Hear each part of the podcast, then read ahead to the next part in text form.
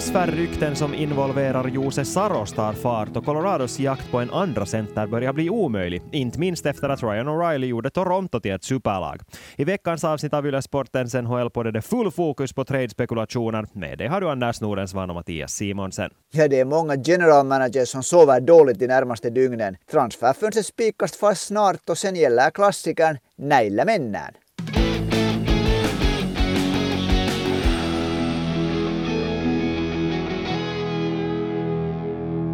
Anders, förra fredagen publicerade du en kolumn på svenska.yle.fi sport där du slog fast att New York Rangers har blivit en av de riktigt stora Stanley Cup-favoriterna efter att de shoppade in Vladimir Tarasenko. Nu kan man nu kanske tycka att Kyle Dubas antagligen satt och refresha webbsajten där kring 12 när kolumnen brukar publiceras, för han reagerade direkt och shoppade in Ryan O'Reilly framför allt. Det som det hade talats om mycket, det hade ryktats kring länge att Ryan O'Reilly borde vara aktuell för Toronto, men jag hade åtminstone uppfattat det som att det här är nu mera Toronto-media som ser en verkligt stor fisk på marknaden och ser en chans att köpa in en center. Men nu blev det verklighet. Ryan O'Reilly till Toronto Maple Leafs. Vad ska vi tycka om det här? Först och främst tycker jag man kan säga att, att igen en gång ser vi att det här när alla håller på att räkna pengar och ser hur det kan, någonting kan bli möjligt så det där, de hittar alltid sätt att göra sådana här träder. Nu var det en tre lag involverade, Minnesota, det, det, det tredje laget där. Det som vi ska tycka är att Toronto har insett att, eller Kyle Dubas har insett och också hans chefer säkert har insett att det är liksom nu det ska hända. Det, det är all in. Det här är en, en verkligt stor satsning för nu ser ju Torontos topp sexa helt otrolig ut för tillfället. De spelar nu med en första kedja med John Tavares, Ryan O'Reilly, Mitchell Marner och två andra kedjor, Michael Bunting, Austin Matthews, William Nylander. Så nu är det ju en topp sexa som heter duga. Det, alltså jag kommer ärligt talat inte på en enda andra topp sexa som på pappret skulle vara så där stark. Att Ryan O'Reilly till Toronto Maple Leafs kändes på något sätt som en sån våt dröm för alla Toronto-fans att det liksom kändes som så utopistiskt att det skulle kunna bli verklighet. Men nu är det verklighet och helt som du sa, Minnesota Wild räckte ut en hjälpande hand och tog, äter väl en ganska stor del av O'Reillys lön för en val i den fjärde omgången i draften. Men helt som du säger, alltså, eh, det måste ju hända nu. Det, nu måste vi faktiskt gå in och säga att Toronto Maple Leafs är ju Stanley Cup-favoriter i den östra konferensen. Oj, jag är kanske inte ännu färdig att säga att det är Stanley Cup-favoriter i den östra konferensen. Det där. Uh, ja, de körde nog förbi Carolina för tillfället. Trots att Rangers gjorde det där traden förra veckan tycker jag att Toronto kanske körde förbi Rangers igen. Men Boston är nog tufft. Och så måste ju Toronto komma över Tampa Bay Lightning i första omgången. Jag vet, det är det som är så himla roligt. För att fortsättningsvis så ser det ju ut som att det absolut kommer att bli så. Det kommer att vara så att Boston möter ett wildcard-lag och att uh, det sen blir en fight mellan just de här två gigantiska klubbarna just nu. För Tampa Bay har ju inte varit värst aktiva ännu. De har tvärtom missat. Uh, eller om vi jämför det här upplagan av Tampa Bay Lightning med de tidigare åren när de har varit väldigt starka. Så de har ju tvärtom blivit av med viktiga spelare. Och jo, vi har lite snackat om den där första kedjan. Du har skrivit om den i din kolumn också med det där med Point och, och Kucherov och Hegel, att den fungerar otroligt bra. Men det här är ett på pappret ganska svagt Tampa Bay Lightning, åtminstone om vi jämför med de tidigare åren och framförallt om vi jämför med Toronto Maple Leafs. Men som vet vi det där att det här är ett lag som är så fruktansvärt svårt att slå. Att den där första slutspelsomgången kommer nog att bli så himla avgörande, framförallt för Toronto Maple Leafs det tror jag. Och dessutom när du säger att Tampa Bay Lightning att det där att det kanske lite inte är det bästa möjliga Tampa Bay Lightning för tillfället så ändå så när man tittar på tabellen så går det ju inte så där hemskt dåligt för dem på något sätt. De ligger tre poäng efter Toronto som trea i det där Atlantic och har spelat två matcher mindre så det där jag tycker på något sätt att Tampa Bay, de har gjort det i några, men de utstrålar en sån här viss självsäkerhet för tillfället. De vet redan att de ska möta Toronto och nu sitter de och funderar, eller eh, Julien Brisbois, eh, GM, sitter och funderar på vem ska han, vilka pjäser ska han ta in för att svara på det här Torontos drag. Så det intressanta dagar på kommande det som jag vill slå fast nu här för det första, det som får mig att säga att jag tycker att Toronto ska klassas som Stanley Cup-favoriter till och med den östra konferensen, trots att de ligger efter Boston i ställningen. Så det är det att Ryan O'Reilly är den perfekta spelaren för dem. De får dels, tycker jag, den bästa centern som fanns på spelarmarknaden. Och inte bara det att han är en så otroligt skicklig spelare med puck, utan det är ju framförallt de här defensiva kvaliteterna som han har, som de där andra toppcentrarna i Toronto kanske inte har på samma sätt om vi är helt ärliga. Plus då det att han är erfaren åren från slutspelet, en Conn Smythe-vinnare. Han var St. Louis Blues mest värdefulla spelare när de gick hela vägen. Och att ha en sån center som fortfarande vet vad han gör på isen, i de där toppkedjorna gör de nog så fruktansvärt farliga i mina ögon. Och sen det är just det här när han spelar tillsammans nu med John Tavares. John Tavares är ju han har ju hittills varit, om vi nu säger så här, han har varit livsversion på Ryan O'Reilly lite. Han är offensivt egentligen lite vassare än Ryan O'Reilly och det där defensivt kanske inte riktigt lika bra. Nu är de i samma kedja och sen har de Mitchell Marner som ju absolut hör till det där en av ligans bästa högeryttrar i en kedja. Och sen det där Auston Matthews som av de här unga stjärnorna så tycker jag att Auston Matthews har ett sånt här, hur ska jag säga, mycket exceptionellt driv i, i sitt spel. Mm, och kanske framförallt offensivt. Och det här tror jag att lättar på det trycket som det annars fanns på honom i Toronto före den här traden, att Matthews skulle vara den där supercentern som är allt i allo. Att han är också den där som jobbar hemåt och gör liksom jobbet över hela isen, medan han nu kanske mer får uh, ska vi säga så här, han tvingas inte matchas mot den, det andra lagets toppkedja, utan han får kanske möta en på pappret lite lättare motståndare, även om då i Tampa Bay Lightning så kommer de ju nog att sätta ihop en sån kedja mot hans kedja som, som gör livet riktigt surt. Men ändå att, att det här ger mer möjligheter för Toronto Maple Leafs att utnyttja Austin Matthews framförallt offensivt. Det här är kul nu vad du sa det här, att de får, kan matcha. Och här kommer vi till hur jädrans viktigt det kommer att vara sist och slutligen. Vilken endera av laget, Toronto eller Tampa Bay, är före i ställningarna i tabellen när det tar slut. För det laget får ju hemma favören och när du har hemmafören så kan du i princip matcha kedjorna. Så det kan fälla, det, det är liksom den här grundseriens slut är helt otroligt viktig för hur det går i den matchserien. Eh, jag skulle nu lite vilja tala om det där som du lyfte upp alldeles till först, att det går att på något sätt kringla sig förbi lönetaket, för det var ju det vad Toronto gjorde nu och utnyttja Minnesota Wild. Och här kommer det som jag tycker att är lite märkligt på något sätt, för jo, man visste den eh, för flera veckor sedan, till exempel The Athletic hade rapporterat mycket om det, att, att Minnesota Wild hade gjort sådana drag som gjorde att de hade mycket rum under lönetaket för att eventuellt då kunna hjälpa andra lag i behov av, ha andra lag helt enkelt som äter, käkar upp löner, eller då löner mot lönetaket. Men det som jag tycker att, att de sålde sig ganska billigt på något sätt, för om vi tittar nu på alla de här lagen, redan som vi snackade lite förra veckan om, att det finns så otroligt många av de här topplagen som behöver de här lagen som kan äta upp en del av den här lönekakan för att kunna shoppa in stora spelare jag förstår liksom in, inte varför Minnesota Wild utnyttjar den här situationen, utan det är ju fortfarande flera veckor tills transferfönstret stängs. Och nu sålde de sig ganska tidigt genom att äta upp en väldigt stor del av det lönetaket som de hade till sitt förfogande. Och Bill Green, deras general manager, sa ju att det här var någonting som de hade planerat att göra, att de hade räknat ut att deras lag helt enkelt inte är i en sån fas att de vill shoppa in stora profilspelare, utan de utvecklas fortfarande. Och jag tycker bara att det är konstigt att de på något sätt sålde sig så billigt. För, för det finns, alltså faktum är ju att det finns massor med lag som behöver andra lag som hjälp för att kunna göra trades. Och framförallt är det ju underligt för, det, för att Minnesota är ju i allra högsta grad involverad i, i det där slutspelsracet i västra konferensen. Så det, det här på ett sätt känns det här lite som, som det där Bill Green skulle ha beslutat sig för att det där det får vara. Nej, alltså det var ju inte det vad han menade, åtminstone i de intervjuerna som jag har läst om det här, när folk var lite ifrågasatta och varför trädar man bort den där och för en gång skulle skaffa in en första center till lag, så varför trädar man genast bort honom? Nej, men det vad han menade var ju uttryckligen det att de har ett ungt lag och de har en stomme som de litar på, men att de är inte ännu där. Att de är inte ännu redo att gå hela vägen och när man shoppar in en stor profilspelare så förväntar man sig att faktiskt kämpa om att gå hela vägen och de ser helt enkelt inte att de skulle vara beredda att betala för, eller ska vi säga att de är inte beredda att betala ett ganska högt pris för att gå in i den fighten och det kan jag nog respektera, att man har den självinsikten och faktiskt tänker mm. långsiktigt. Det är ju ganska svårt att sätta i sådana här mellanväxlar. Nu blir det ju lätt så där att om generalmanagern kommer och säger att vi är inte ännu färdiga så är det där, det är nog hur ska man säga, det är ju nog nära till då också att tanken är den att, att det är nog inte så viktigt om vi kommer till slutspel den här säsongen.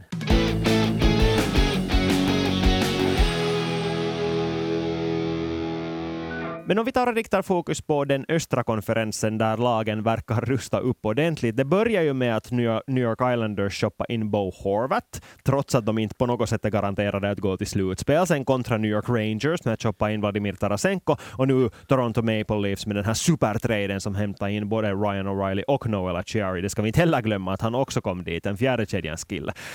Så vad ska de här resten av lagen göra då? För nu känns det nog oundvikligt för de andra lagen, de andra topplagen. Vi snackar nu Carolina Hurricanes, Tampa Bay Lightning, vi snackar till och med Boston Bruins. Vad ska de här andra göra för att komma ikapp? Alltså vi börjar med, med det där med ett lag som ju länge det har varit tydligt att de måste göra någonting och det är Carolina Hurricanes.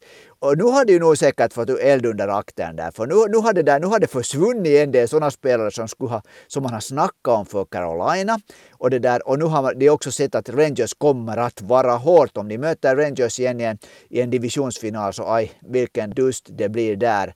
Så de behöver den här, jag tror det är nästan etablerat nu att de kanske sen inte kommer att gå efter en center. Nu kommer det såklart att göra det när jag säger så här. Men den där målskytten som kommer in istället för Max Pacioretty. Så nu börjar det att bli bråttom på riktigt. Snacket kring om Patrick Kane kommer att gå dit har ju också tagit fart i och med att Carolina, just med tanke på det du säger, känns som det där logiska alternativet. Carolina behöver en målskytt, Patrick Kane finns tillgänglig. Vi har snackat om det här tidigare, varken där av oss håller med om att han skulle passa in i Rod Brindamores spelsystem, men oavsett finns det där snacket där. Och Patrick Kane sa ju själv också eh, här för någon dag sedan när det talades om, eller han blev tillfrågad om han på riktigt var nära att gå till Toronto, för det var också någonting som det spekuleras kring, att det skulle ha varit antingen Ryan O'Reilly eller Patrick Kane som de skulle ha shoppat in. Och då sa han att nej, det var inte nära. Man ska inte tro på allt man läser. Så det tycker jag sen, om jag drar på mig foliehatten här och läser otroligt mycket mellan raderna, så fokuserar jag på ordet allt där. Att det finns då enligt Patrick Kane, om man väljer att tolka honom som jag gör, vissa rapporter där ute som faktiskt stämmer och då skulle det kanske kunna vara Carolina som är nära till hans. Ja, alltså ett annat lag som det där som ju har diskuterats är Dallas, men om vi håller oss till öst, öster nu, östra konferensen nu och Patrick Kane, så jag har funderat också på det där, jag, jag har ju varit lite kritisk till det här att, att jag tycker att Patrick Kane kanske är en spelare som inte passar in i Carolina, men sen när man börjar fundera på det där så det är ju att bygga upp en kedja. Nu ska vi komma ihåg att han har spelat en del, uh, han har vunnit Stanley Cup tillsammans med Teo Teräväinen i Chicago. Så där finns, jag vet inte om man kallar det för kemi, men där finns i alla fall någonting, de känner till varandra. Att om man tänker att vi skulle bygga en kedja med Teo Teräväinen på, på vänstra kanten och sen som center Sebastian Aho som en kille som, ja en spelare som har så otroligt högt, hög liksom sån här hockey IQ, att han kan passa in sig, han kan spela i princip med vem som helst. Han är inte en sån här spelare som det måste vara rätta spelare omkring. Han spelar med vem som helst och han gör spelarna omkring sig bättre. Så det skulle inte vara fysiskt en viss en tung kedja på något sätt, men det skulle kunna vara en ganska vass trio. Mm, framförallt är Aho och Teräväinen båda sådana som inte försummar sina defensiva ja. förpliktelser heller. Så på det sättet skulle den där trion kunna fungera åtminstone på pappret. Men äh, om vi då slår fast att Carolina ska ha en målskytt, Patrick Kane är den bästa som finns tillgänglig. Vad borde Boston och till exempel Tampa Bay göra då? Tampa Bay, det här talade vi ju redan lite förra veckan. Min åsikt är det att Tampa Bay behöver en äh, ganska hög profils dit. No, så har det varit snack om att de kanske skulle behöva en forward till någon sån här liksom till tredje kedjan. Men om jag ska tippa så är det en, en back som de kommer att gå efter. Boston då, no, jag, jag hör till den här skolan som tycker att Boston har allt vad de behöver. Det är också snackat om att de skulle kunna ta in ännu en back dit till exempel för tredje paret. Så det där. Jag, jag, jag liksom tycker att det är backar som båda de här lagarna kanske går efter. Mm, jag tror också att man i Boston nog ser på tabellen och ser den där ledningen som man har och inser att hej, vi är nog faktiskt ganska bra. Nu ska vi inte börja på trycka på panikknappen i onödan. Och ett just en back till tredje kedjan eller någon utfyllnadsspelare till de lägre kedjorna offensivt sett, så det tror jag nog att skulle kunna finnas högt på önskelistan ändå, bara för att få den där bredden och gardera sig själv för att eh, killar eventuellt kommer att skada sig under våren åren. Men med Tampa Bay så tror jag nog också det att de tittar tittar nog på den där första slutspelsomgången och inser att de kommer att möta ett väldigt laddat Toronto Maple Leafs, ett väldigt kärnstarkt Toronto Maple Leafs och kanske inser också att de behöver nog någon forward, till och med någon center till som skulle kunna vara en sån där pigg i sidan på, på Austin Matthews när det gäller. Och jag, jag vet inte sen vem, bara vem det skulle kunna vara, för de här spelarna som det har snackats om att det finns på spelarmarknaden, så det är ju sådana uttryckligen offensiva spelare just nu. Vi snackar till exempel just förutom Patrick Kane, Timo Maier, jag ser nog inte honom kanske riktigt heller som en Tampa Bay-spelare. No, Timo Maier är ju det där jag tycker han, lite, för han, har ju liksom, han har ju grymma fysiska förutsättningar egentligen att spela hur han ishockey som helst. Han är säkert en av de bastantaste yttrarna i hela, hela det där NHL utan att, utan att ha det där då, sån här lösvikt på sig om vi säger på det sättet. Utan det är nog bara krut i den killen. Så det där, om vi tänker på John Cooper så jag tror att John Cooper nog får nästan vem som helst med talang att bli en mycket viktig spelare för det där Tampa. Men inte har jag heller tänkt på, på Timo Maja riktigt Tampa. Jag har på något sätt sett det där backen där. Men, men det är nog sant det där att, att nu när de funderar på, på det där hur de ska stoppa ett Toronto som kommer att köra grymt offensivt så antingen har de det här grymma självförtroende, hej, att vi kan ta vem som helst, eller sen blir det några överraskningar här ännu. Ett lag som alldeles garanterat kommer att göra någonting i den östra konferensen, inte uttryckligen, eller de kommer ju inte att köpa, men de kommer tvärtom att sälja, så det är ju Columbus Blue Jackets. Ladislav Gavrikov spelar inte för att han ska tradas inom snar framtid är förväntningen. Och Jarmo Kekäläinen verkar vara intresserad av att göra deals med framförallt den västra konferensen. För där, de rapporterna som har kommit från Columbus talar ju för att det skulle högst antagligen vara Edmonton som är intresserade av honom. Ja, Edmonton behöver nog inte Vladislav Gavrikov. De behöver en första eller andra parets back, tycker jag. Jag, liksom, jag, jag tycker att Edmonton också, det, det, här, det här har vi talat så här bakom kulisserna med dig, att det, där, det är inte så hemskt många år mera som, som Edmonton har den här superduon inne i sin absoluta prime, McDavid och, och Dreisaitl. Liksom, ska det bli någonting, ska de vinna så måste de gå för det. Och då tycker jag nog att liksom, de borde på riktigt lyfta, lyfta liksom, eller trycka gasen i botten och göra som nu Toronto har gjort, eller New York Rangers, att fanken ta in sådana spelare som gör skillnad och inte sådana här spelare som kanske bara då hjälper till att inte förlora om jag säger på det viset. Nej, alltså jag håller med dig till 100 procent. Det skulle nog nästan vara dags att göra någonting riktigt vågat. Och en av de där vågade sakerna som det har diskuterats, så det skulle ju vara att trada in Erik Karlsson. Och det här är någonting som man vet att, eller no, vet, det har rapporterats så pass mycket och så pass pålitligt om det, att vi nog kan slå fast att man vet att Edmonton har varit i kontakt med San Jose. Men där kommer vi sen till det här problemet med Erik Karlssons massiva lön. För han har ju inte ett kort kontrakt. Det är inte så att han han sitter på ett utgående kontrakt, utan hans kontrakt fortsätter i flera år. Det är liksom en ganska stor eh, smäll som man tvingas ta finansiellt om man tradar in honom. Och då sätter man ju också, eller man spelar ju pengar på att han faktiskt också kommer att vara, fortsätta vara lika bra som han har varit den här säsongen. Men han skulle ju vara den där högprofilsbacken som de skulle behöva. Men så kommer vi in till nästa problem och det är det att Edmonton, man kan inte trolla hur, som, hur mycket som helst med lönetaket. Och Edmonton har en spelare som de enligt den här ansedda ansedda NHL-insider Pierre LeBrun har bestämt sig för att göra av med för att skapa det här utrymmet under lönetaket. Och det är Jesse Puljujärvi och han ska sen vara ett problem. För att San Jose ska väl inte liksom direkt säga nej åt att Jesse Puljujärvi är involverad i traden. Men sen till exempel Arizona Coyotes, som ju har nämnts som ett lag. No, dels har de ju Jakob Chychryn, men också ett lag som eventuellt skulle kunna äta upp en del av en annan spelares lön. De, sen inte, de är, lär sen inte överhuvudtaget vara intresserade av att ta emot en spelare. De vill bara ha draftval. Att det har diskuterats om Jesse Puljärvi skulle skickas till Arizona istället, men de har bara sagt rakt ut nej, vi vill inte ha någon sån kille hit. Får jag sätta på mig GM-hatten för Edmonton här nu? Gör det bara, jag tror, du, du, du, vet har, som... du, du, har gjort det redan. Jag har gjort det. Alltså så här, så här skulle jag nu göra det här. De ska vinna Stanley Cup inom två, tre år. Nu slår vi stora släggan, ringer upp till, till, till San Jose och säger att hej, ni, ni vill börja bygga ett nytt lag. Nu gör vi så att ni får härifrån vår back som vi betalar över 9 miljoner i lön. Darnell Nurse, en ung kille som det där ska ha en stor framtid. Och vi vill ha Erik Karlsson för vi ska vinna Stanley Cup inom tre år. Nu gör vi så här. Hit med Karlsson och vi skickar Darnell Nurse till er. Vad säger du om det? Jag tycker ju, du vet ju att jag personligen håller med dig om att Darnell Nurse är helt överbetalad och överskattad och att jag håller med om att det skulle vara en jättebra trade för Edmonton Oilers nu. Men det är ju aldrig i livet att de skulle göra det. För att då skulle de ju offentligt medge att hej, vi gjorde en ganska stor mocka med Darnell Nurse så vi skickar bort honom istället och tar in Erik Karlsson som kan göra vårt offensiva spel så otroligt mycket vassare just nu. Nej, jag, jag tycker att det ska vara en jätterolig trade. Jag tror att det ska vara en trade som skulle ändra på uh, maktförhållandena i den västra konferensen avsevärt. Men uh, nej, jag tror nog att de tvingas hålla kvar Darnell Nurse och eventuellt då plocka in Vladislav Gavrikov som är ganska billig och som man inte behöver trixa så jättemycket med för att få in. Men vad vill man göra i NHL, sådana här lag som har de här superspelarna? Vill man vinna titlar eller vill man det få se, få se ut som general managern inte skulle ha gjort något misstag tidigare? Det är en bra fråga och jag tror att vi båda vet vad svaret är. Och det är det att klubbcheferna också vill försvara sitt jobb och då kan man ju kanske inte, eller då kanske det finns lite väl mycket stolthet för att medge att okej, okay, nu gjorde jag ett misstag med den här spelaren.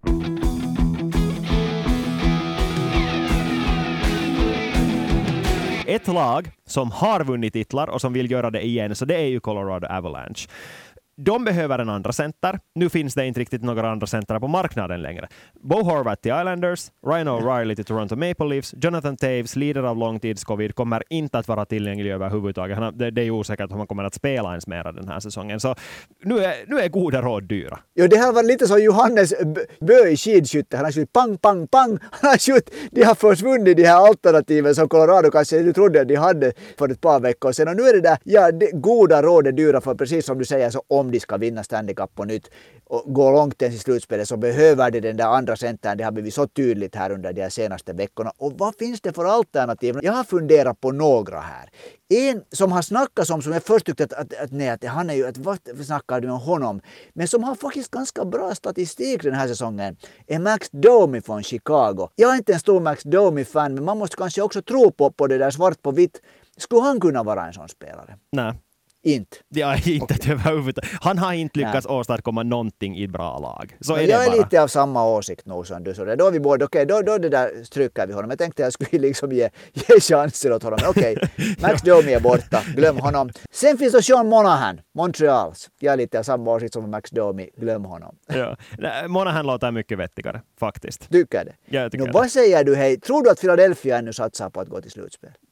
Philadelphia? Ja. Nej, jag tror nog nästan att de har insett faktum och, och konstaterat att nej, det blir nog inte något slutspel för oss. Nå, vad säger du om Kevin Hayes? 57 matcher, 47 poäng den här säsongen. Inte alls en så dum idé faktiskt. Ja, jag börjar lite att fundera på Kevin Hayes. Han har ju tidigare också tradats just, just den här tiden på året. Där. Och han har ju blivit lite en sån här kille som kommer med sin liksom, lite en sån här legosoldat som packar sin klubba in i en sån där i ett fjolfodral och åker till följande, följande ort. Eh, sen ett alternativ som inte är direkt realistiskt i och med att det här är en spelare som har kontrakt för två säsonger också efter den här säsongen. Men om Nashville under de kommande mm -hmm. veckorna spelar uselt, så var han ska träda in Mikael Granlund. Ja, vet du, det där funderar jag också på. Och, det där, och jag har tänkt på det där, men sen har jag liksom, jag har tittat ganska mycket faktiskt på Nashvilles matcher senaste veckorna. Det bär mig emot att säga att Mikael Granlund inte är hemskt bra för tillfället. Så du köper inte alls det här snacket som det var i studion till exempel under den här eh, förra matchen som Yle sände på veckoslutet där Ismo Lehkonen lyfte fram att hans kedjekamrater inte gör någonting för att hjälpa honom. Att han tvingas köra omkring över hela isen och göra allt jobb själv och så är det himla otacksamt. No, Ismo Lehkonen är säkert bättre på att analysera det här än jag, men, men det, där, det blir ju nog lätt så att man alltid säger att den där finska spelaren i kedjan är den som, som det där lider av att andra inte är bra. Och det där. Och, ja, Mika Grano har många styrkor, men att som andra center i ett Colorado som spelar grymt snabb ishockey, vi vet att hans skridskohastighet inte är bra. Det skulle vara jättekul, det skulle vara verkligt roligt. Men på något sätt tyck, tror jag att Colorado inte ser honom som ett alternativ. På tal om Nashville Predators så och det här är ju inte heller någon nyhet för de som tittar på den här matchen och följde med snacket i pausen. Och det gjorde min son Edvard, för han undrar, han har skickat in en fråga och han ställer frågan till oss, kan Jose Saros faktiskt trädas? För här är ju någonting som Kari Rämö till exempel sa i studion att de alldeles garanterat funderar på i Nashville. Det här är så här att man måste ju tro på det när det här kommer nu från, från några olika riktningar så måste man nu tro på att det faktiskt finns någonting i det här det känns ju galet att träda bort en målvakt när alla söker den här vinnande målvakten. En målvakt som garanterat hör till de 7-8 bästa målvakterna i hela ligan. En vinnande målvakt i sina bästa år att man gör sig av med en sån målvakt som inte ens har hemskt hög lön. Så det låter i mina öron bara så galet, men, men det där NHL är ju på ett sätt en galen värld. Ja, och alltså för, för att klargöra det här, så det här är också någonting som Antti Mäkinen har sagt i sin podcast, den här Kimanttia. Ja. Där har han också lyft fram att han ska ha hört att Nashville ska vara öppna för tanken att träda Jose Saros. Nu vill jag säga så här att själva tanken om att Jose Saros kommer att trädas från Nashville, så det, det skulle jag säga att kommer att hända med 100 procents sannolikhet. Det var ett val som Nashville gjorde exakt den sekunden då de beslöt sig för att drafta Jaroslav Askarov. Så enkelt är det. Han var den enorma målvaktstalangen det året. De valde att ta honom istället för då till exempel Anton Lundell. Och det var jag vill säga, men det är inte att jag är bitter finländskt sett, utan med det att man valde att ta en jättelovande målvakt istället för en ganska NHL-redo spelare. Så man valde att satsa på framtiden på målvaktspositionen trots att man har en Jose Saros där. När de gjorde det så visste de att när Askarov är redo för NHL så kan de inte ha två målvakter på samma sätt som de gjorde med Rinne och Saros. Saros kommer ju inte att vara 35 liksom vid det laget, utan de måste reda bort Saros och frågan är snarast när de kommer att göra det. Kommer de att göra det nu? Det tror jag att det är osannolikt, men senast nästa säsong så tror jag nog att Saros ryker. Men hej Mattias, vi har sett det här så många gånger att de här unga målvakterna, det är på gränsen till omöjligt att säga vem av dem sist och slutligen som blir den här pålitliga målvakten som blir en stjärna. Det kan ta, och det kan ta många år dessutom. Det kan ta upp till 5, 6, 7 år tills en sån här målvakt som är lite över 20 år tills han är på riktigt färdig för att ta över i NHL. Och jag tycker att, att, att en NHL-organisation borde, när man, med, med, med facit i hand när man ser hur det går för tillfället i andra organisationer, vara säker på att den här spelaren kan ta över före man träder bort ett kort som är ett säkert kort. Men nu utgår du från att Nashville kommer att vara slutspelsaktuellt också nästa säsong. Det tror jag inte att de kommer att vara. Nej men alltså, jag, jag vill bara säga att, att har du en första center som är liksom eh, en, en franchise-center så trädar du inte bort honom. Har du en bästa back som är, som är det där, en franchise-back så trädar du inte bort honom fast Daryl Nurse kan trädas bort. Det där, och det där målvakten då? Målvakten är ju den viktigaste spelaren i hela laget. Om du lyckas få en sån här målvakt som är helt exceptionell så jag jag, du har säkert rätt.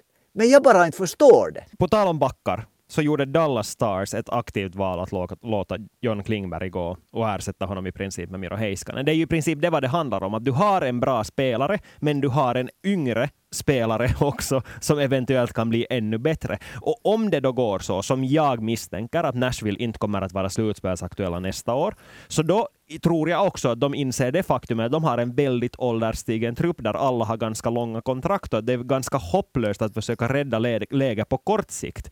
Utan då måste man tvärtom tänka långsiktigt och det vad man kan göra då är i så fall att låta den unga, i det här fallet Jaroslav Askarov, spela så mycket som möjligt och utvecklas till att eventuellt bli en bra målvakt och skicka bort Jose Saros. För antagligen ganska mycket. Nu ska vi komma ihåg att om Jose Saros fortsätter att prestera på samma nivå som han har gjort den här säsongen, när det har gått bra, det tror jag att han nog kommer att kunna fortsätta göra oavsett hur dåliga Nashville är, så tror jag inte att det påverkar hur bra Jose Saros är. Och då kommer det alldeles garanterat att finnas intresserade lag vid trade deadline nästa år, och jag tror att det är jättesannolikt att det går som så att han senast nästa vår kommer att trädas. Men jag tror inte att han kommer att trädas nu, oavsett hur djupt Nashville skulle kunna dyka under de kommande veckorna. Nu måste jag lite kontra. Jag, jag, jag skulle vara samma åsikt om Jussi Saros skulle vara 32 år gammal. Han kan vara en toppmålvakt i 28 år ännu. De hinner bygga om ett nytt lag där. Och när du sa Dallas, så Dallas visste ju att Miro Heiskanen var en toppback. Plus att jag ser att Nils Lundqvist kom in och tog den rollen som John, John Klimberg haft. Och Nils Lundqvist kommer med ganska stor sannolikhet att bli minst en lika bra eh, offensiv back som det där Klingberg. Om du ursäktar mig, så jag tycker det inte riktigt funkar den här din jämförelse med Dallas. Ehm, Fine. Vi, vi är ense om att vara oense. Ja, ja, alltså jag håller med dig om att det kommer säkert att gå så att Saros trädas, men, men, men med mina protester. Och med det tar vi och sätter punkt för det här avsnittet av Yle Sportens NHL-podd. Nästa vecka är vi tillbaka igen och då vill vi igen höra era förslag på olika trades som ni tycker att borde hända i NHL. Så skicka in dem på antingen Yle Sportens Instagramkonto eller per mail till svenskasporten.yle.fi så tar vi ställning till de bästa här i podden. Vi hörs igen nästa tisdag. Tack och hej och ha det bra.